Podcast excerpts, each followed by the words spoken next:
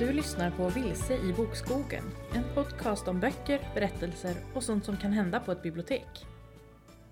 Hej och välkomna till Bokskogen där vi idag kan ana en svag doft av popcorn.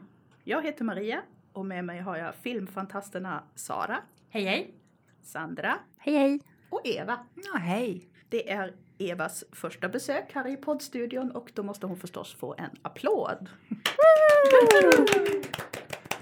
Välkommen Eva! Ja men tack! Det här är ju då samma Eva som fick så mycket beröm i förra podden, bör Mm. tilläggas. Så att det är celebert besök här inne idag. Oj, Ja. oj, oj, det var värst. Det roliga är väl att Eva har inte hört det avsnittet. Det var förra avsnittet. Ja, Ja, precis. avsnitt åtta. Men gud vad nyfiken, nu ska jag Ja. genast lyssna på det. Det tycker jag. Det tycker jag du ska göra. Mm. Idag ska vi prata om böcker och filmer och tv-serier. Vi ska reda ut om boken alltid är bättre. Det kan man ju fråga sig. Men först så har vi en mycket viktig fråga. Vad är bäst, film eller tv-serie? Vad säger Sara? Alltså jag har ju sådant tråkigt diplomatiskt svar. För jag tycker att båda två är lika bra och att det beror helt på vilken berättelse det är som ska fram. För en del berättelser går inte att få ner i två timmar och en del berättelser blir heldöda om du ska dra ut dem på en 10-13 avsnitt. Så det beror ju helt på vad det är för något som ska berättas för mig. Ja, det har du rätt i. Det var ett tråkigt svar. Ja, det var Vad säger. Sandra? Jag har faktiskt exakt samma tråkiga svar. Nej. Så att, ja. Nej, jag håller med. Jag tycker att det varierar väldigt mycket beroende på vad det är för bok.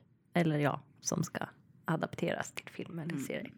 Eva då, har du något annat? Nej, verkligen inte. Nej, det, det, går, det går inte att jämföra. Jag tycker inte det är svårt att jämföra ens. Alltså, nej, jag tycker det, tv-serier är någonting och film är någonting annat. Och, ja. Men, Ja, okej. men det som jag har märkt är att tv-serierna kan ju fördjupa karaktärer mer. Jag kan bli mer förtjust i många karaktärer i tv-serier än vad jag hinner bli i en film många gånger. Ja men ni vet, man följer fem säsonger av en viss serie eller någonting och eh, man blir som nästan förtjust i alla karaktärer för man ser, man ser liksom alla sidorna av dem. På det sättet finns det en fördel med det. Men jag vill inte, skulle inte säga att något är bättre eller sämre. Det, det är jag svårt för att göra. Jag tycker då att eh, tv-serie är bättre för den tar inte slut lika fort. Jag är en sån som fäster mig vid både karaktärer och berättelser och jag vill veta hur går det sen då? Så jag föredrar tv-serier för det mesta. Tänk, det var en av oss i alla fall som inte hade ett tråkigt diplomatiskt svar. Det var ju skönt. Ja, jag känner det. Nu satte vi en konstig ribba här. Nej, men det är skönt om vi inte alltid är så, vad heter det, som vi svenskar är. Det finns ett fint ord för det, kan ni det? Vi svenskar, vi ska alltid vara så överens. Ja. Nej, vad heter det? Vi har konsensus. Konsensus!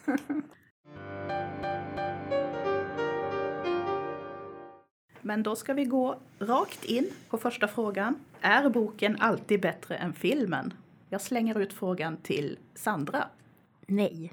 Mycket kort och enkelt svar. Den är inte alltid bättre än filmen. Men jag tänker som inte som så att filmen är bättre, serien är bättre eller boken är bättre utan så är det bara som olika genrer. Ja. Alltså film och jämföra den med en bok på något sätt blir lite, blir lite orättvist både mot kanske boken och filmen. Jag vet inte riktigt. Ibland har vi, vi har det där åh boken är bättre att man låter så litterär och märkvärdig. Alltså det, jag vet, det gör vi ju Men, inte. det är också högst subjektivt. Ja. Alltså, Ja. Det är ju vad man själv tycker. Jag tycker att den här boken är bättre än den filmen. ja, Men sen, det betyder ju inte att någon annan inte får tycka tvärtom. men precis. Det mig inte i så mycket. Och sen är de jämlika också. Jag menar, som nu till exempel, eh, jag har ju, jag har ju flera exempel. Alfons Åberg till exempel. Han är ju jättebra att läsa och han är, de är ju så charmiga filmerna. Alltså det, jag skulle inte vilja vara utan någon av dem. Så, så att det, är liksom, Ja, de är Ja. så mysiga. det går ju inte att säga att boken är bättre. Det, Nej, Det nej, och utan filmen hade vi inte fått den här fantastiskt charmiga vinjettmelodin som är till Alfons Ja. Åberg också. och Jag tror inte jag kan sjunga den här i eh, podd för att då får vi någon typ av böter. Men eh, youtuba eh, vignetten till Alfons Åberg om ni inte har hört den. Mm, ja, och så bilderna där också. Det är ju en, en annan eh, konstnär som är inblandad i Mm. den serien. Mm. Stephen King har ju gjort många bra böcker. Och de, många av dem har ju filmatiserats också. Och någon av dem har ju kallats för världens bästa film. Oj, Ja, vilken nej, då? men eh, Shawshank Ja. Redemption. Ja. Eh, Det vet jag inte om den är, men, den är, men har, har ni sett den? Nej. Nej, jag Är tror det inte ny- det. nyckeln till frihet? Nyckeln till frihet. Ja, precis. Den är jätte, jättebra. Ja. Och Stand By Me. Och det, men det är flera där av, honom, av hans eh, berättelser. Som, men jag skulle ändå inte säga att ja, men det ena är bättre än det andra. Jag vill ha- gärna ha båda två. Den enda som jag har av Stephen King just som jag Ja. har lä- både läst boken och sett filmen är ju Den gröna milen. Ja, Och det går ju inte, alltså filmen är fantastisk. Men boken är också bra. Mm, precis. Jag tror att jag personligen tyckte lite bättre om filmen, men det var kanske för att jag såg den först. Mm. Mm. Jag har sett filmen tycker den är fantastisk men jag har inte läst boken så jag kan inte uttala mig så mycket. Den blir ju lite pratigare liksom på Stephen Kings sätt, men eh, det är ju bara en smakfråga. Mm. Finns det några adjektiv i boken?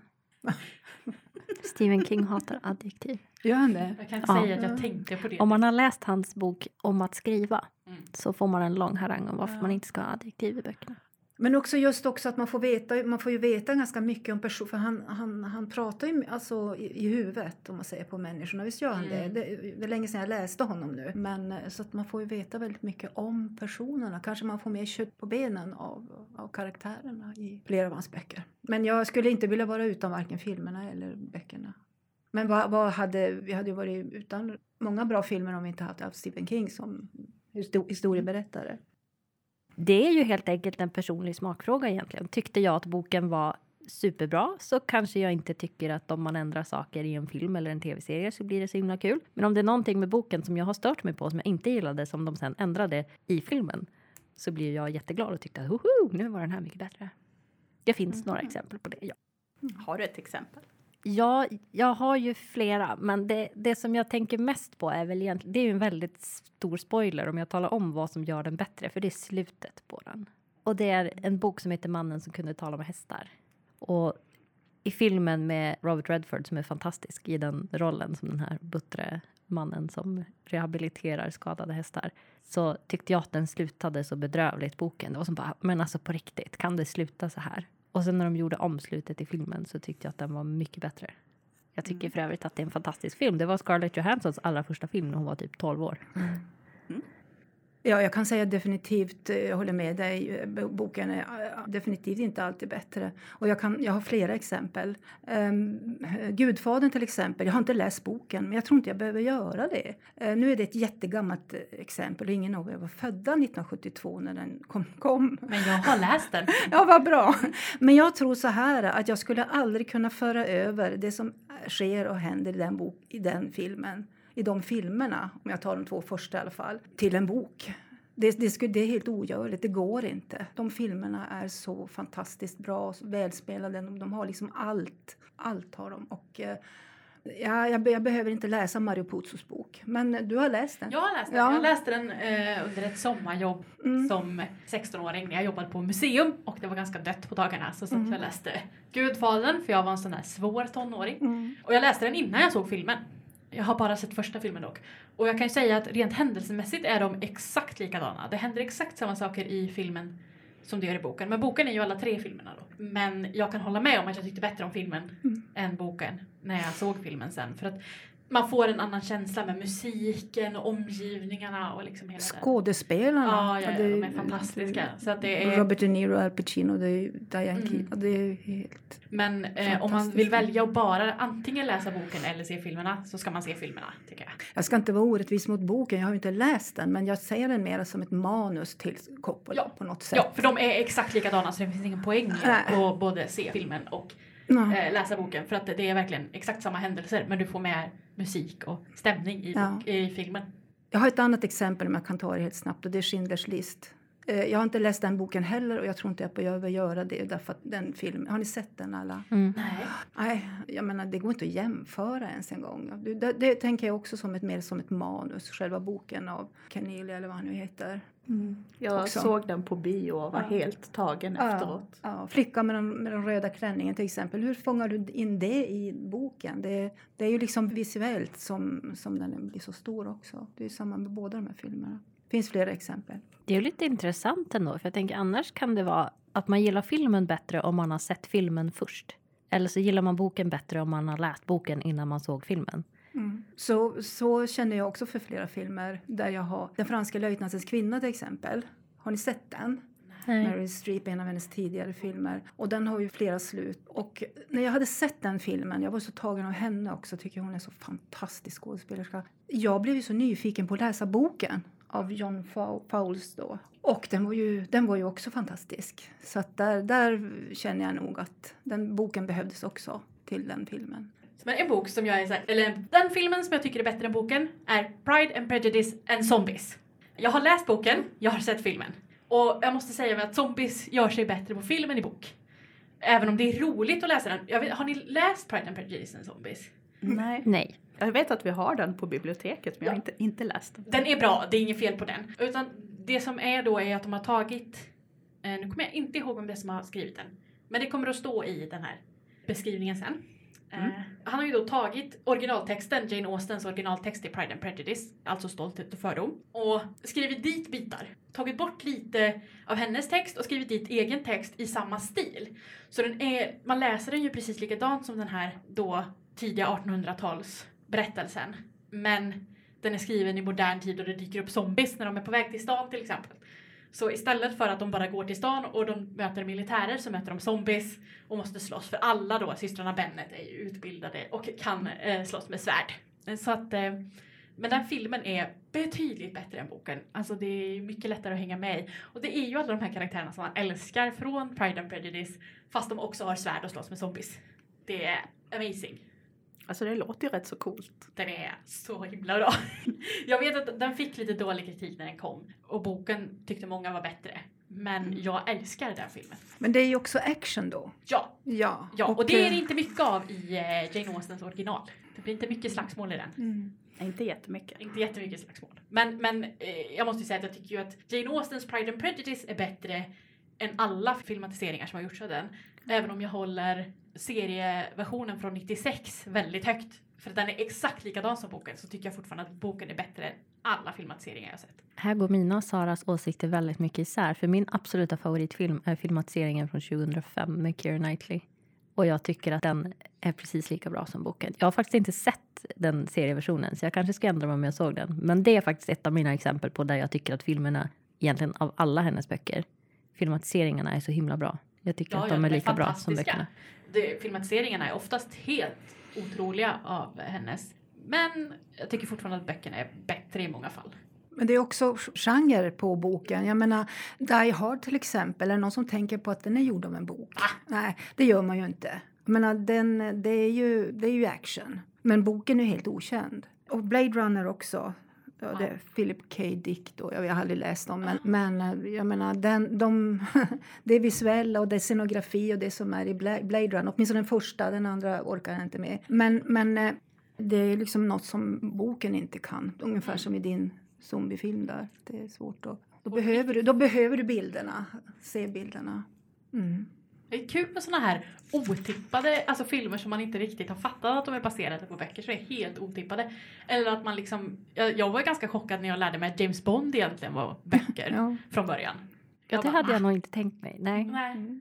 En film där jag tycker att boken är bättre och det är en som är lite action och det är Fight Club. Ja, Den har jag inte läst, men jag har ju sett den. Alltså boken är fantastisk och jag fattar inte egentligen hur det gick att översätta så man ska nog kanske läsa den på Men den gick, väldigt, den gick bra att läsa på svenska. Den, det måste vara en väldigt skicklig översättare för att det är ju Palahniuk heter han som har skrivit den. Och eh, jag tycker inte filmen var någon, för mig var den bara, alltså, blaha. Jag, jag kände ingenting för den filmen men boken däremot tyckte jag var fantastisk. Vad spännande. Jag Det- gill- gillar den eh, filmen jättemycket Ja. så då kanske jag ändå ska läsa. Men visst, Ja, den han, boken är värd att läsa, Mm. verkligen. men visst gjorde han också en uppföljare i serie, alltså grafisk romanform? Av Fight Club. Ja, jag tror han gjorde en uppföljare till den, alltså bara för några år sedan. Ja, det är möjligt. Jag har ingen aning. Jag är lost nu. Men eh, vad säger ni? Sitter ni och trycker på fler bra exempel där filmen är bättre? Jag har, jag har Sex and the City som jag har sett ungefär, jag vet inte hur många varv. Men eh, jag har ingen lust att läsa böckerna kan jag säga. Men däremot älskar jag tv-serien. Jag tycker den är superroligt manus och skådespelerskorna naturligtvis. Eller hela, hela ensemblen är ju superbra. Så jag har väldigt roligt åt dem. Ja, jag med. Jag har inte ens Ja. tänkt på att det är böcker bakom den. Precis, det är ju så. Nej, Ja. det, finns, det finns faktiskt en. Ja. Och jo, så den, ni har inte sett Sex and the City? Nej, jag är, hör till fel generation för att uppskatta den tror jag. Ja, jag var ju som anti, men sen som när jag började titta då vart jag fast och så köpte jag den till slut. Och sen, Ja, jag med. Jag började titta på den när jag gick på gymnasiet. Ja. För att när den gick på tv så hade vi inte de kanalerna så jag kunde inte se den. Nej, Men alla här. mina klasskompisar pratade om den i, i lunchrummet. Så till slut när jag då väl fick se den så plöjde jag typ hela Det var serien. samma för oss, vi hade inte de kommersiella kanalerna när de visade den. Och, eh, men sen så vart jag ju såld på dem. En annan serie som är lite nyare Och där är ju en, en ansedd författare, ju Atwoods Handmaid's Tale. Och jag har, tydligen, jag har ändå bara sett första säsongen och den tyckte jag var helt enastående. Någon annan som har Ja, jag har inte sett det. varken film eller serie? Den Ja. går på fel streaming. Handmaid's Tale är ju en, en- den är så, den är ju gjord, ja när skrev hon boken? Var det 70-80-tal någonting? Ja, det är något sånt. Den är ju Det är länge så mycket, ja. Och jag såg ju som referenser i till dagens Ryssland och dagens USA och dagens Polen. Alltså det var, den är, den är, de har lyckats väldigt bra med den tv-serien, med den serien. Men jag, jag har ju bara sett säsong ett. Men jag tyckte den kändes väldigt aktuell för att vara en sån eh, gammal bok. Eller gammal och gammal, men i alla fall äldre. än- Men Så visst det- kom fortsättningen på den boken? Den kom alldeles nyss. Ja. Jo. Den är nyskriven. Mm. Så hon fick som en nytändning där. Mm. Men som sagt, jag har inte läst boken. Nej, inte jag heller. Det är den som är... Vi är dåliga bokälskare här. Vi bara Ja, tittar på film och serier. Nu kommer det fram sanningen här. Jag har ett sånt här exempel som många kanske inte tycker är bra vare sig som bok eller som film. Men jag tänker på 50 nyanser, den filmserien. Jag tyckte att filmen är bättre än boken av en väldigt enkel anledning. De har kapat bort väldigt många sexscener och det blir plötsligt mer fokus på storyn. Och då tyckte jag att den var bättre när jag såg den än när jag läste den. Mm. Och den är jag också, den är jag okänd. Synd att vi inte har några beröringspunkter här på flera. Ja, men det är väl bra, vi har lite spridda skurar. Vi jag tittar har på ju lite bara olika läst saker. boken för att jag var nyfiken. Men jag slutade efter första boken för jag tyckte att den slutade så bra när de gjorde slut. Ja, Jag har ju läst alla böckerna och sett alla filmerna, men jag tyckte, jag minns att, jag tror att jag såg första filmen först och sen läste jag boken och insåg att oj, här var det väldigt mycket åka av. Mm. Och mitt problem är att det blir så tradigt. Ja, Eh, det för att de har precis. väldigt mycket likadant sex hela tiden. Ja. Så att det är samma sexscen om och om igen. Så det är skönt om de då har kapat bort det i filmen så man slipper se samma sexscen. Ja, det var typ hälften så många i Ja. filmen som i boken. Just för att jag tror att det skulle bli väldigt tradigt att titta på. Ja, fruktansvärt. Men också ganska tradigt att läsa, eller? Ja, det är ganska... Eh, Jag tyckte det var... För, jag ja. fick kämpa mig igenom den boken. Jag skulle ju läsa den bara för att och så blev jag envis. Mm. Och kämpade mig igenom boken. Och jag tyckte den var fruktansvärt tradig faktiskt. Mm. Det var bara samma sak om och om, om igen. Men jag förstod bara inte storheten i den, I guess. Du får tycka om den, det är okej. Alltså, jag tyckte det var, alltså, jag brukar säga att det är inte ett litterärt mästerverk någonstans och det är inte heller ett filmiskt mästerverk någonstans. Men jag var underhållen. Och sen gick jag vidare så att den var liksom, Jag den tror att det kan då. hända, eller var lite också att jag har läst så fruktansvärt mycket romance som är bättre. Så att jag hade annat att jämföra den med också. Sjuka mängder andra böcker att jämföra den med. Som jag tycker liksom är hetare. Så det var väl det kanske. Mm. Men, men hur gammal är den? Den börjar vara 15 år gammal typ. Den Ja, här. sånt typ måste det väl 17. vara snart. Är det så gammal? Nej, Oj men, vad jag nej, men är det Tio år i 10, alla 10 fall. då? Ja.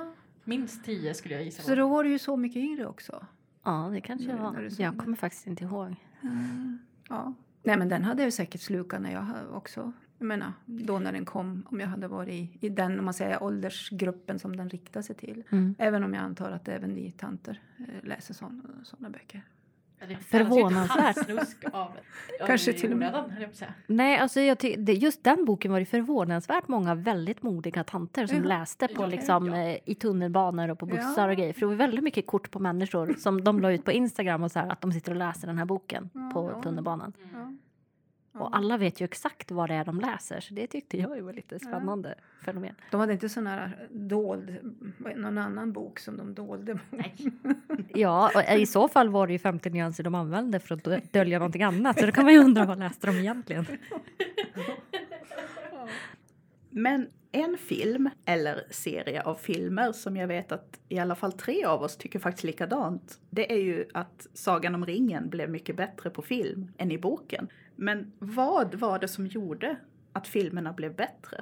Åh, jag vet. Ja, Varför jag tycker att den är bättre. berätta. Det är ju just för att när man läser böckerna och den här naturromantiken, eller vad man ska kalla det för, som finns i den här. När han pratar om hur gräset böjer sig i vinden på alla åkrar och ängar och sånt. Det blir ganska tradigt att läsa om.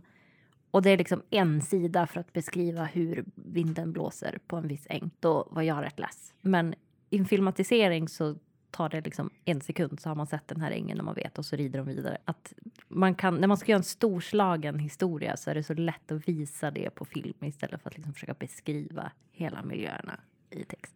Jag tycker exakt samma sak. Alltså Tolkien, det märktes att han gillade att skapa språk och världar och liksom den typen av grejer. Men han var inte jättebra på att sen skriva ner det i någon slags berättelseform. Det är så, jag tycker det är så tråkigt att läsa Tolkien. Jag har tagit mig igenom lite mer än halva Hobbiten. Jag har, ska läsa färdigt den för den tycker jag ändå är helt okej. Den är lite lättsammare på något vis. Den är mer contained i Den var ju skriven för barn från början. Precis, så den, den är liksom lite lättare att ta sig igenom. Men jag har försökt både läsa och lyssna på Sagan om ringen. Och jag kommer inte igenom den. Det är så tradigt. Samma här. Eh, Jag har provat ungefär två, tre gånger. eh, Någonting sånt. Och eh, de gick och de gick och de gick och de gick och de gick. Äh, det var så tråkigt, så tråkigt, så tråkigt. Jag tänkte, men vad är det, vad är det, vad är det jag inte fattar med den här? Jag tror jag kom till sidan 250 någonting, andra eller tredje gången. Wow. Äh, sen jag gav jag upp. Nej, det var för tråkigt. Vad är det Men som jag- går och går och aldrig kommer till Ja, men dörren? ungefär. Tolken. Ja.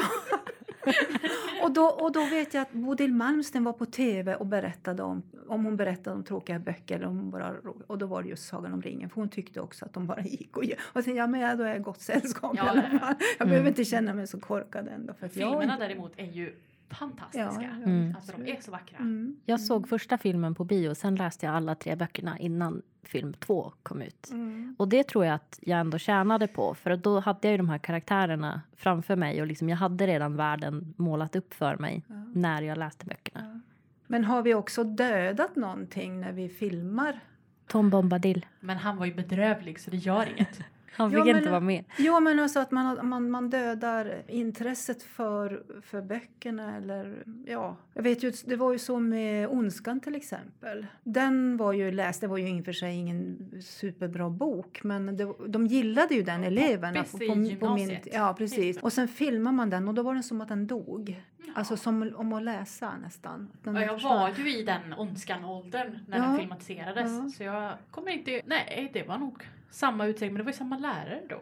Det är klart, nu var det tiden, länge sedan. tiden går ju. Den bok kan ju Ja. inte vara för ev- evigt. Men nu lämnar man ju inte ondskan till ungarna. Nej, Det är väldigt sällan som de frågar efter den nu. Tyvärr så frågar lärare efter den fortfarande. Jag tycker att man kan släppa den och gå Ja, vidare. eller hur? Jo, det är så. De är kvar där, då, där de läste någon gång. Och, Det kommer så mycket nya Ja, bra men böcker precis. som man kan läsa istället. Men ett fenomen, just det här när en bok har filmatiserats. Det tänker jag med Miss Peregrines hem för besynliga barn. Det minns jag faktiskt en ungdom som sa att nej men jag behöver inte läsa dem för jag har ju sett filmen. Att då har man ju som dödat boken på något vis. Mm. Och också sen tänker jag, de, den här Tolkiens böcker, det är ju länge sedan de kom. Och jag tänker de som var unga på 40-talet, eller när kom de? Vet ni det? När kom Tolkien? Tolkiens böcker? Ja. Ja, han skrev ju dem efter andra världskriget. ja. efter Han hade hunnit läsa Selma Lagerlöf. Men i alla fall, Eller det kanske var första. Ja. ja. Efter ett krig som han var Han med född i på alla fall. 1800-talet i alla fall. Ja, men i alla fall. Jag tänker att eh, om, det är också skillnad på oss idag. Mm. Vi är ju så visuellt eh, Mm. bortskämda om man säger så. Eh, mer än vad de var. Och då, det är kanske mer, ja. Ni förstår vad jag menar? Ja. Mm. Vi kanske har svårare för den typen av text nu än vad... Mm, lite otåligare. Ja. Ja, vi är i den här swipe-kulturen nu. Mm. Kanske ska försöka läsa nyöversätt... Eller har de nya... Det var bara Hobbiten de nyöversatte. Eller nyöversatte de hela serien? Det finns två olika översättningar av eh, Sagan om ringen. Ja men då är, finns det nog en ny översättning. Du kanske Mm. skulle prova att läsa den istället. De skulle behöva kapa lite. Kan de inte göra lättläst Sagan om ringen? Då Mm. jäklar! Det skulle bli fantastiskt ja, tror jag. Ja, det, Tror du verkligen det? Ja, bara de tar bort lite miljöbeskrivningar så. ja. Ta bort lite gräs. Klipp gräset. gräs. Ja, precis. Klipp gräset och så eh, springer de lite fortare. Mm. Mm. Okej, Problem solved. bra, bra idé Sandra. Men hur är det med Harry Potter då? Det är något liknande då eller? Nej, där tycker jag böckerna är betydligt bättre än filmerna. Mm. Alltså det går inte se. Men där är en sån grej. Det är orättvist att jämföra för filmerna är inte Mm. dåliga. Nej. Nej, filmerna är jättebra. Alltså, jag tycker ju egentligen att den första filmen är bäst. För den boken är så kort. Så att det gick liksom att, Precis, att göra den. den. Så. Precis, den är Mm. väldigt nära boken. Så att jag tycker att första filmen är bäst. Även om den skådespeleriet är ju inte bra. Men Det är för att de är barn. Precis, men själva filmen tycker jag är jättebra ändå. Mm. Den är mysig, helt klart. Mm. Fast det är faktiskt ett av mina exempel. Som, boken är bättre. ja, fast just den fjärde. Bara den fjärde. Den är mitt exempel. För att jag minns att jag var så besviken när den filmen kom. För det bästa typ med hela den boken det är när de är på den här quidditch-turneringen, de här tälten som de har. Ja.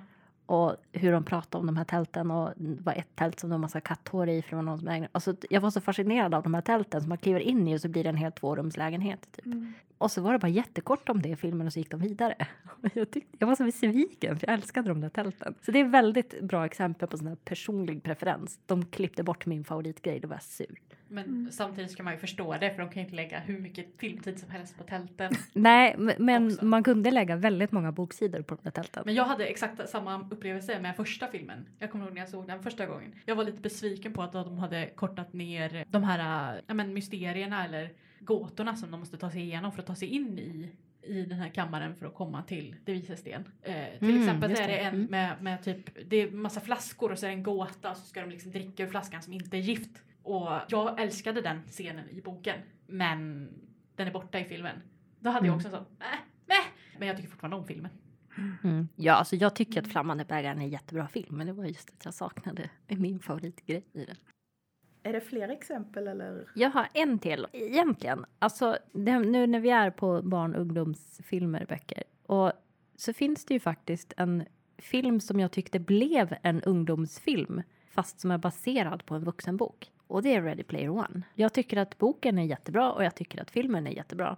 Men där såg jag filmen först och jag tänkte ja men det här är ju en uh, ungdomsbok och när vi sen köpte boken för att den blev populär i och med filmen så ställde vi den på ungdomsavdelningen. Men sen när jag faktiskt hade läst boken så inser jag varför den står på vuxenavdelningen. Den är liksom inte, filmen är inte alls lika mörk som, som boken är. Alltså han är ju bedrövligt skick den här huvudpersonen i boken och det, den är väldigt mörk. Det finns liksom ingen utväg för det hela och han bara tynar bort där i sin eh, dataspelsstol. Så att jag tycker att boken är bra, men den är bra för vuxna och medan filmen är lite tamare och passar bättre för tonåringar. Och jag kanske, man kanske ska säga vad Ready Player One handlar om. Det är ju en eh, framtid där de hoppar in i ett dataspel och lever sitt liv genom den här dataspelsvärlden. Så att om man då bara sitter framför datorn 24-7 och inte gör någonting annat så förtvinar ju musklerna bort och sånt.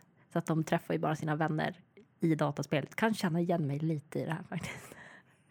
Jag sitter väldigt mycket vid min dator, men än så länge har mina ben inte tvinat bort. Det kom ju en uppföljare till den, var det förra året? Är det någon som har läst? Jag började, jag har läst ett kapitel i den boken och sen har jag inte kommit längre. Och i allmänhet har den ju inte fått så bra kritik. De tycker inte alls att den är lika bra. Så det känns som att det var onödigt att skriva den. Jag ska läsa färdigt den. Men det verkar som att i allmänhet så tycker folk inte om den. Ja, jag vet inte vad det är för någonting alls. Vi har filmen här på biblioteket, du får se den. Eva ser inte imponerad Nej, jag, jag, jag kan se den, men jag visste bara inte vad du, nästan vad du sa. Men eh, innan, innan vi går vidare och pratar om böcker som vi gillar mer än film, så har ni något sista? Jag har en, en bok och film, som jag, eller en serie är det, som jag har sett. Mm. Ferrante-serien. Min fantastiska väninna. Ja, precis. Och den har de ju gjort en, en jättebra serie på. Ja. Ja, tycker jag. Och boken var svintråkig. Oj, det var en eh, så här unpopular opinion. Inte, svintrå, inte svintråkig, men det var, den, jag lyckades inte bli så där tagen av karaktärerna i själva böckerna. Jag har läst två av dem. Det finns ju fyra i serien. Eh, Men däremot så tycker jag att tv-serien, där märker jag att jag eh, kan tycka en karaktär inte är så speciellt trevlig. Men sen så kan det liksom, när jag får se alla nyanser och sidor av, av karaktären så kan jag börja tycka om dem. Och det tyckte jag hände med, med den, i den tv-serien. Visst är det en italiensk serie? Jo. Ja, just det. Jajamän. Ja, den har jag inte heller sett och jag har inte läst böckerna så det är inte Nej. mycket jag kan komma med där. Men den fick ju så, den var ju så upphaussad verkligen, alltså den serien. Eller själva böckerna. Alltså min mamma som inte brukar läsa så mycket tyckte till och med att de var jättebra böckerna. Mm. Ja men det, det gör folk, men Ja. inte jag. Men inte du. Nej men det är väl skönt att inte alla tycker lika. Det skulle bli så himla lång kö på alla böcker. då. Mm. Bara på några böcker. Det är det redan, men ännu värre. Mm, precis.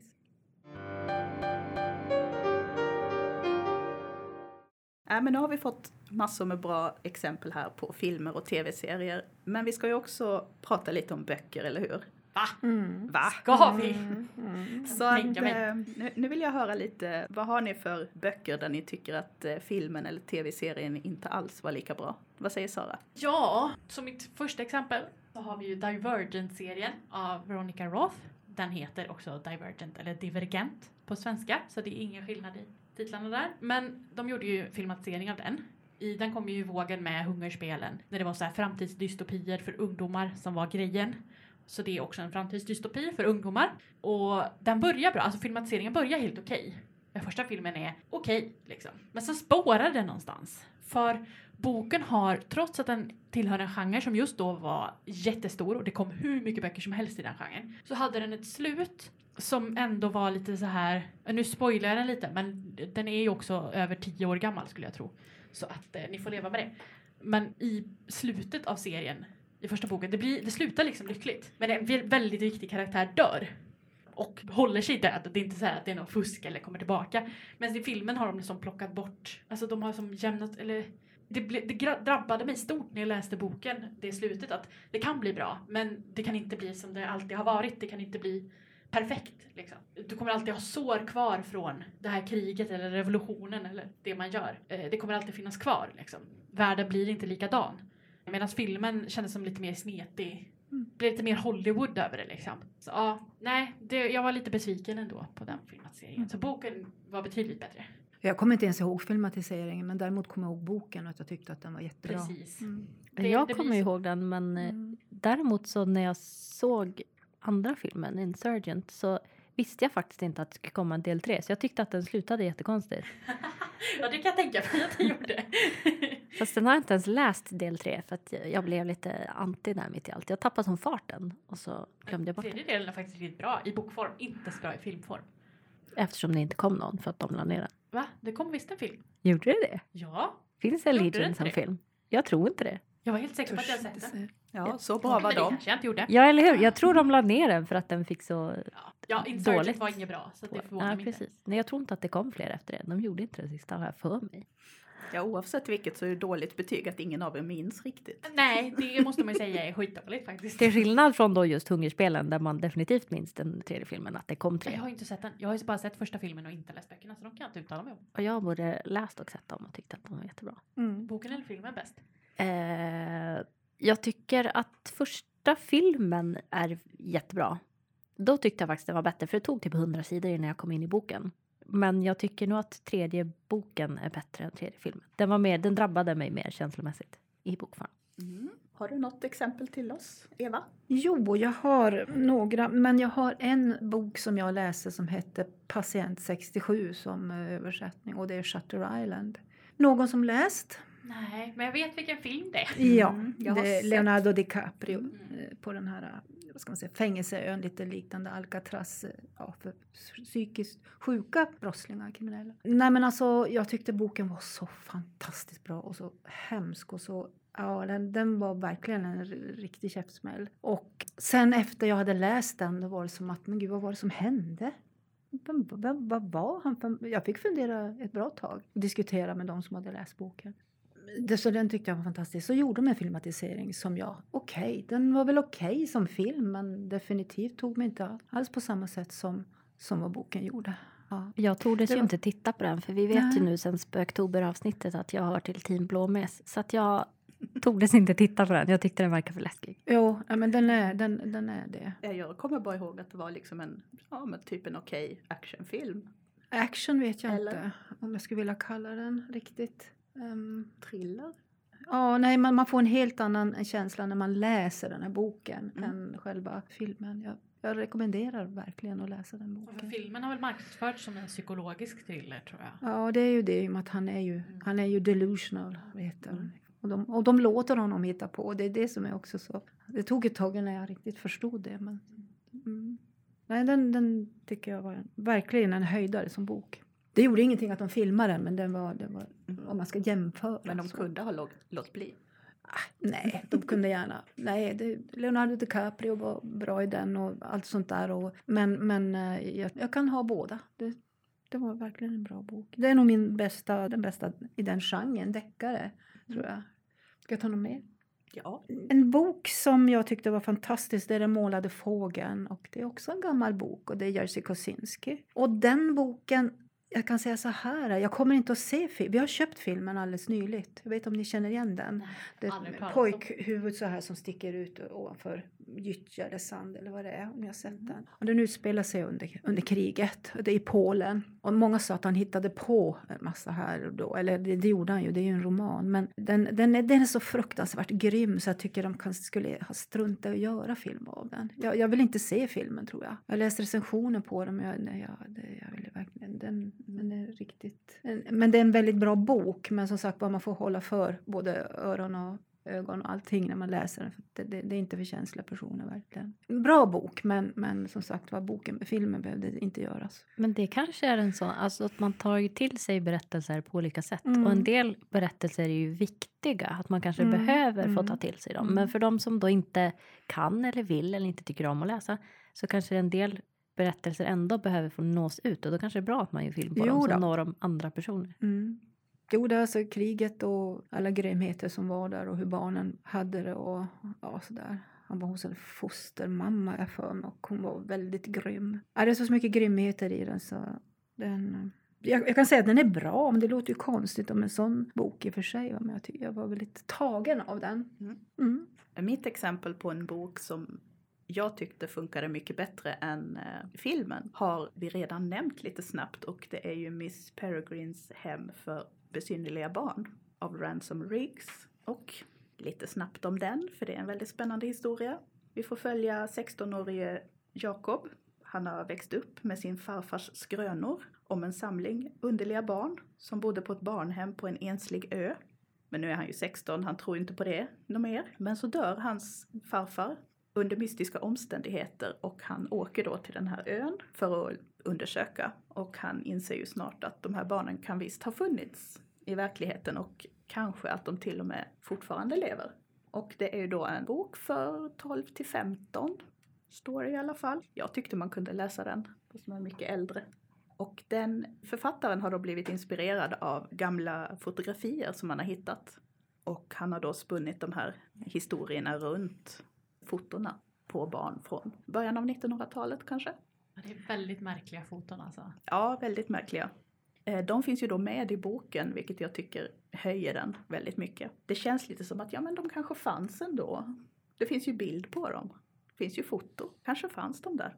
Medans eh, filmen då, även om den är av Tim Burton, brukar göra bra filmer, så tycker jag att där får man inte det här, man får inte samma känsla för att det är mer en, alltså det är en trevlig film med lite fantasyinslag och sånt där som man gillar. Eh, Men man får inte den här lite mystiska känslan, tyckte jag. Vad tyckte ni som kanske också har sett den? Jag har inte sett den, jag har bara läst böckerna. Och jag är tvärtom, jag har sett filmen men jag har inte läst boken. Och jag har bara bläddrat i boken och tycker den är jättehäftig. Men det har aldrig blivit att läsa den. Alltså bilderna, tänker jag. Mm. Jag kan ju säga att jag spännande. valde ju att inte se filmen efter att jag hade sett trailern. För att Mm. jag blev så besviken på trailern till filmen. Mhm. Och jag Ja. ville inte bli mer besviken. Så att jag, ja men de hade ju helt bytt karaktär på, på den här Emma. Och ja, det var väldigt, hon är ju väldigt, nu vet jag inte hur det blev i filmen till slut. Men i, i boken är Emma en väldigt stark, jag tror hon heter Emma va?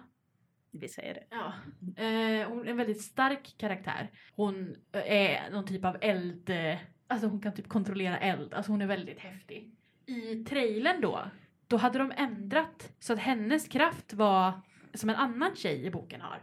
Det var värdelöst. Alltså hon hade blivit värd, hon hade blivit lite av en, en sån här, ja men damsel in distress typ helt plötsligt i trailern. Och då kände jag att jag vill inte se den här filmen. Sen vet jag inte om det blev så för det var verkligen första trailern som släpptes. Och ibland så ändrar de ju mycket från Jag kommer inte ihåg så jag kan inte hjälpa till. Nej, det var, det var kass. Så då vill jag inte se filmen. Sen vet jag inte, är den lika bedrövlig i... Eh, ja. Ja, ja. då känns det som jag gjorde rätt val ändå. Och det är då väldigt synd. Precis så där som jag sa. Jag har ju sett filmen och tyckt att den var helt okej. men jag har ju aldrig läst böckerna och jag har liksom inte känt behovet av det. Och då har jag ju missat någonting. Mm. Att Emma Eventuellt. är kickass som fasen. Eller överhuvudtaget att det var en väldigt bra bokserie. Ja, den är amazing. Mm. Och så vet jag att ni hade lite titlar där ni tyckte att filmen och boken var bra på olika sätt. Vad säger du Sandra? Ja, jag har ju många sådana, men jag har ju också den där som, som eh, är, är ett mellanting. Den ena tycker jag ju att boken var jättebra och jag tyckte att filmen var bedrövlig. Och den andra tyckte jag att filmen var bättre än boken som är en väldigt unpopular opinion. Sluta hålla oss på halsen. Få, få höra nu då. Spotta ut det. Ja, jag ska spotta ut det. Och jag vet bara inte riktigt vilken ände jag ska börja. Okej, vi, kan, vi kan börja så här. Eragon, den boken. Det är liksom en fantasy för 12 till 15 år skriven av Christopher Paolini när han själv var 15 år. Vilket är häftigt i sig. Det handlar liksom om en kille som hittar ett drakägg och så får han en drake som man kan kommunicera med via sina tankar. Och det är massa skurkar och grejer där i. Han ska lämna sin, ni vet så här klassiskt storslaget fantasyäventyr. Och det är ju flera böcker i den serien. När de gjorde film på den så förstörde de för sig själva totalt i och med att de tog död på en av de största skurkarna i första filmen som de liksom kämpar med i tre böcker eller någonting. Så att det känns som att jaha, nu, det, det gick liksom för lätt och nu är det slut och nu kan ni inte göra fler filmer. Nu har ni skjutit er själva i foten. Och den föll så himla platt. Och den var jättetråkig och det tyckte jag var jättesynd. Men här tror jag faktiskt inte att det är för att jag har läst boken först utan det verkar vara ett allmänt alla som har läst boken och sett Jag filmen tycker så. Att den, den var jättedålig. Den var, jag har aldrig orkat, eh, lyckats se färdigt den. Jag har försökt se den tre eller fyra gånger och jag somnar alltid mitt i. Alltså den, den är så dålig. Den är så den, den är Ja, jättetråkig. är så att, ja, nej, där är ju boken helt klart bättre. Men då samma sak fast åt andra hållet för mig är ju Percy Jackson och Kampen om Åskviggen. Författaren själv tycker att filmatiseringarna är bedrövliga. Alla som har läst och älskat böckerna tycker att filmatiseringen är bedrövlig. Men jag som inte hade läst böckerna innan jag såg filmen tycker att filmen var faktiskt jättetrevlig och sen när jag läste boken blev jag så här, men vad är det här? Så att jag tyckte ju faktiskt att filmen var bättre. Jag tyckte filmen hade bättre flyt. Det var liksom när- hur den drevs framåt. Det är också en, det är en fantasyhistoria för ungdomar som handlar om en kille som har hans pappa är Poseidon så han är en halvgud och så ska han slåss mot eh, makter för att någon försöker sno Tors oskvigg. Oskvigg. Oskvigg. Ostviggen, precis. Eh, Oskviggen. Så att det är ju också en sån här fantasyäventyr. Och jag tänkte inte ens på det förrän nu innan det här så att jag kollade på lite videor om hur de har förstört den här franchisen genom filmerna. Att i boken så är Percy Jackson 12 år. Men i filmen så är han 16. Det kan jag tänka har att göra med att Rick Riordan inte kan skriva 12-åringar. Eh, jag har ju läst några böcker av honom, lite olika av hans serier. Alla är ju baserade på olika mytologier och sådär. Jag har läst några olika. Han, han är en sån där författare som blir bättre och bättre ju mer han skriver. Han övar sig fram liksom. eh, Och får sina övningar utgivna. Så att de första böckerna är inte sådär jättestrålande. Men en grej som han gör är att han inte kan skriva karaktärer som är sin ålder. Som sagt, Percy Jackson är 12 år, beter sig som en 16-åring. Även i boken. Läser man då hans eh, serie som handlar om de egyptiska gudarna, eh, Kane-krönikan, då är huvudpersonen 14 och har en lilla syster som är 12. Den här lilla systern då som är 12 går runt halva boken och pratar om hur sexig Hades är. Eller inte Hades, vad heter han? Anubis. Och man bara, hon är 12, skärp dig. Och den här 14-åringen då, han, han beter sig som om han vore kanske 18-20. Man bara, what? Riordan, vad har du druckit? Gå hem! Förhoppningsvis blir han väl bättre även på den punkten. Ja, där verkar meningarna också gå isär. För jag, jag satt ju som sagt och tittade på en sån här video nu om hur de har förstört den här franchisen. Och då var det, ja men Logan Lerman som eh, spelar Percy Jackson i de här filmerna, i andra filmen, då, sa, ja, då var han typ 25 år och ska spela en 16-åring som i boken kanske är 13. Och de, de ser så himla dumma ut. För att alltså, de tyckte att manuset är ju baserat på att det här är en 13-åring och så är det ändå en 25-årig vuxen man som ska spela den här. Han fördummas ju väldigt mycket av att han beter sig som ett barn. Så att det, det finns ju fler sätt att se på saken tydligen. Men jag, jag har läst två av böckerna tror jag, men jag kommer inte ihåg. Alltså, jag kanske måste läsa hela serien för att förstå storheten, men jag tyckte ju som sagt att filmen var bättre. Och när jag då läste böckerna kände jag liksom, meh. Så att jag sket i det. Tror ni det kan finnas något eh, generellt som gör att en bok blir bättre? Finns det något särskilt i en bok som inte kan översättas till film? Jag tänker att det är det här med, du har mycket mer tid på dig. Alltså, en bok kan ju vara uppåt en 500-600 sidor utan att liksom... Ni vet vad jag tycker om tjocka böcker, men alltså en bok har du ju mer utrymme på dig och liksom bre ut dig och verkligen berätta. Du kan ha ganska många sidokaraktärer och ganska många handlingar igång samtidigt utan att det blir allt för rörigt eller tar för mycket tid. Men i en film så måste du, ska du få ner den på två timmar, som är någon slags standard these days, så måste du liksom hugga så mycket i en bok. Du Mm. kan inte ha samma liksom, massor av karaktärer och många trådar som du ska hålla i. Några stycken går ju bra, men du kan inte ha hur många som helst. Då helt plötsligt blir filmen för liten.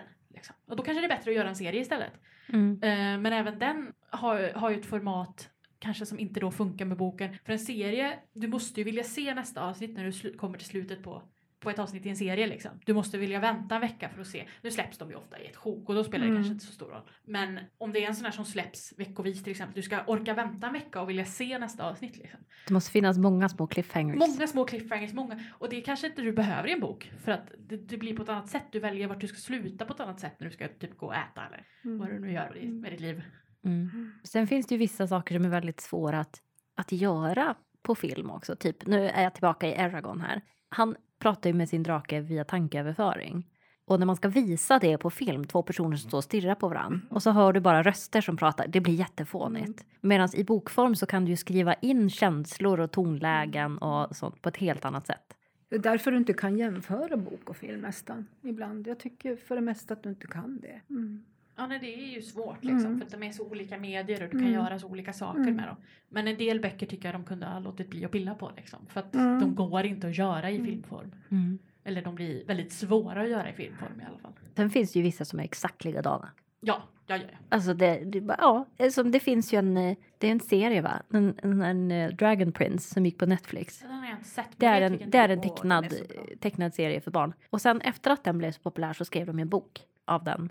Och jag läste boken efter att jag hade sett serien, tror jag. Eller var tvärtom? Nej, jag läste nog boken först faktiskt. Och den är verkligen exakt likadan. Det känns som att de har skrivit ner manuset fast Ja. liksom byggt ut det så att det blev en bok. Den är jättebra, men den är exakt likadan. Det händer ju ibland att de gör det. Jag tror de gjorde så med Forrest Gump också.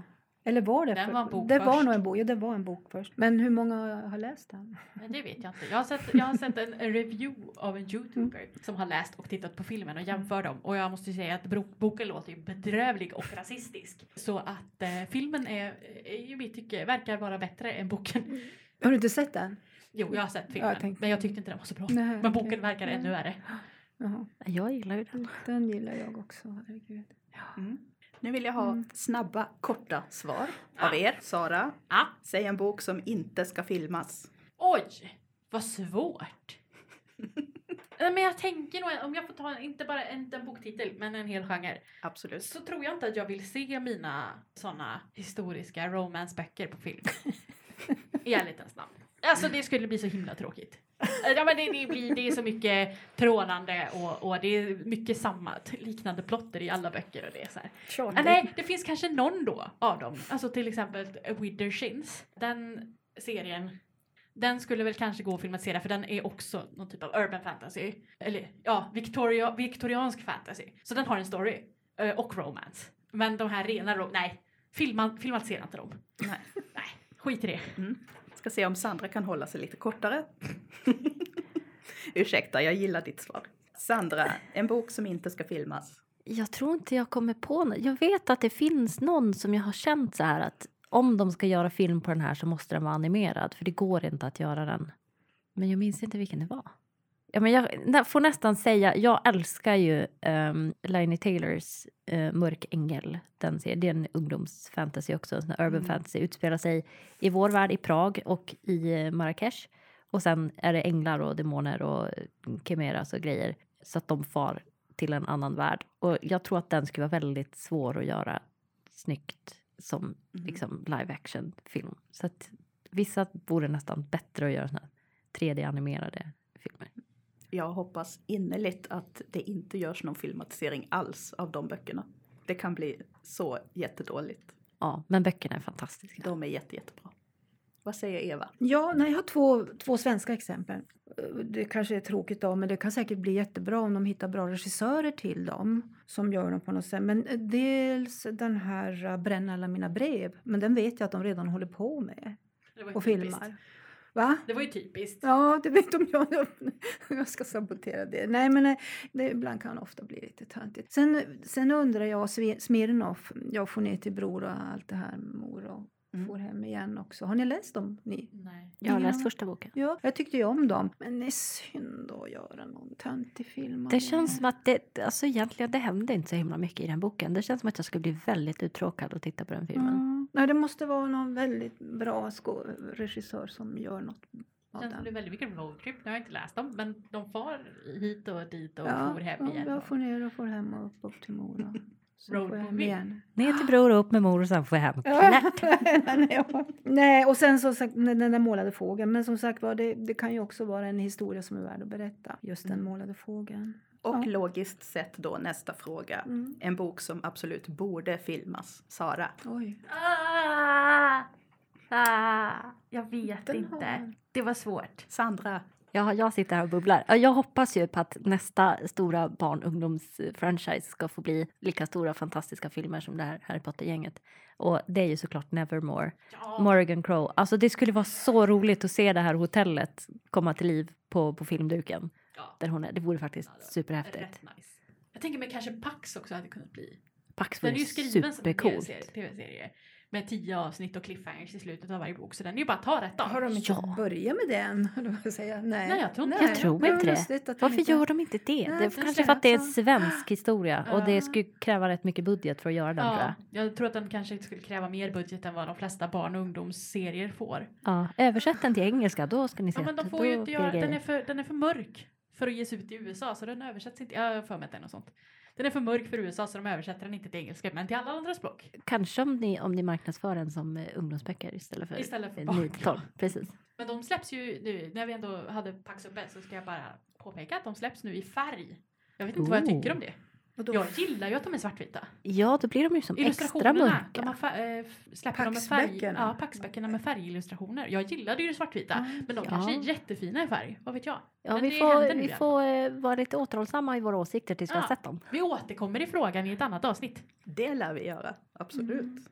Alltså något som vore ashäftigt att se som film. Jag ser lite framför mig så här Sin City mörkt, den filmatiseringen av Victoria Schwabs Vicious och Vengeful. De två böckerna. Det är också sån här mörkt, de får superkrafter och grejer. Och det vore jättehäftigt att se dem i de här väldigt mörka, regniga Jag varianterna. skulle kunna tänka mig filmatisering, om vi är inne på det här med just ungdomsböcker som bör filmatiseras. Jag pratar naturligtvis om Truly Devious av Maureen Johnson. Den serien, det är fyra böcker. Det är ju som deckare i internatmiljö för ungdomar. Och de är så fantastiskt bra. De hade varit kul. Alltså deckare i internatmiljö kan väl inte vara omöjligt att få budget Nej, precis. De skulle nog kunna bli riktigt bra för? filmer Ja, jag tror det.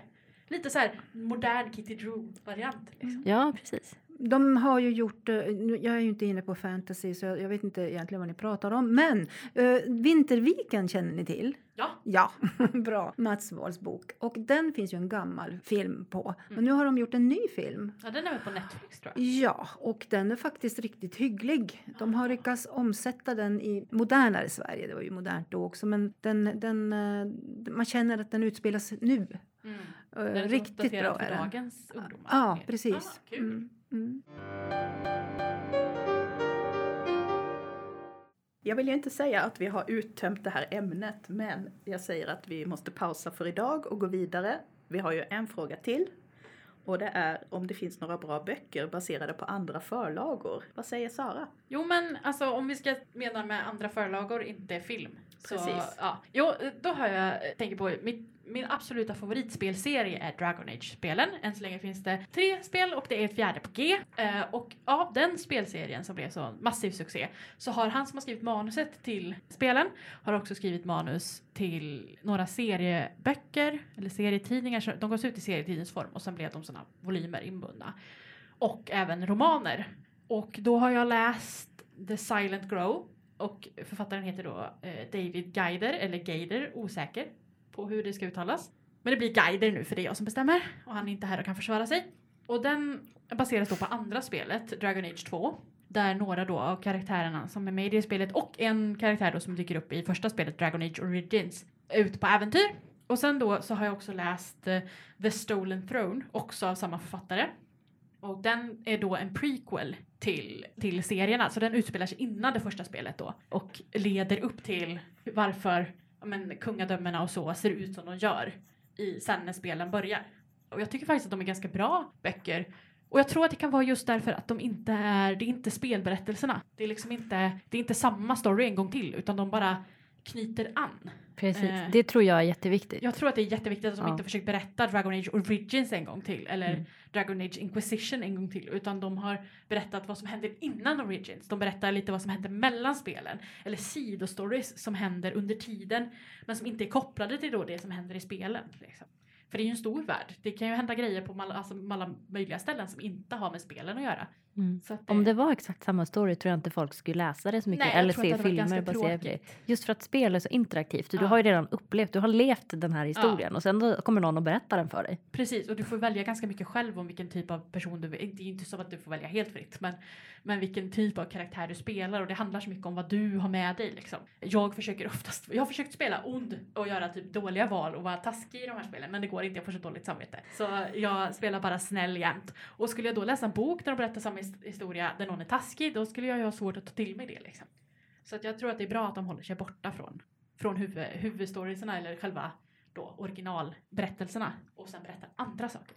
Mm. Så du tror inte på det där att man ska översätta spelet till Nej, en det bok? tror jag inte på. Jag tror att man kan basera det på, ta Ja. samma värld och liknande karaktärer eller liksom Mm. relaterade karaktärer. Men absolut inte. Jag tror absolut inte att man ska bara berätta samma story en gång till. Särskilt inte då mellan spel och bok. Mm. Jag är väldigt förtjust i en författare som heter R.A. Salvatore. Han har skrivit böcker baserade på Forgotten Realms, som är en fiktiv värld som hör till rollspelet Dungeons and Dragons. Det är lite intressant för jag har aldrig spelat Dungeons and Dragons och jag har ingen lust att spela det men jag tycker jättemycket om böckerna. Det är skitkul. Ja, det tror jag säkert. Det är jättekul men jag vill inte. Okej då. Jag vill bara läsa böcker. Alltså Han- är, är det de här legenderna om Drizzt? Ja, Och den har jag läst. ja. Nämen. Så då ska jag berätta för dig.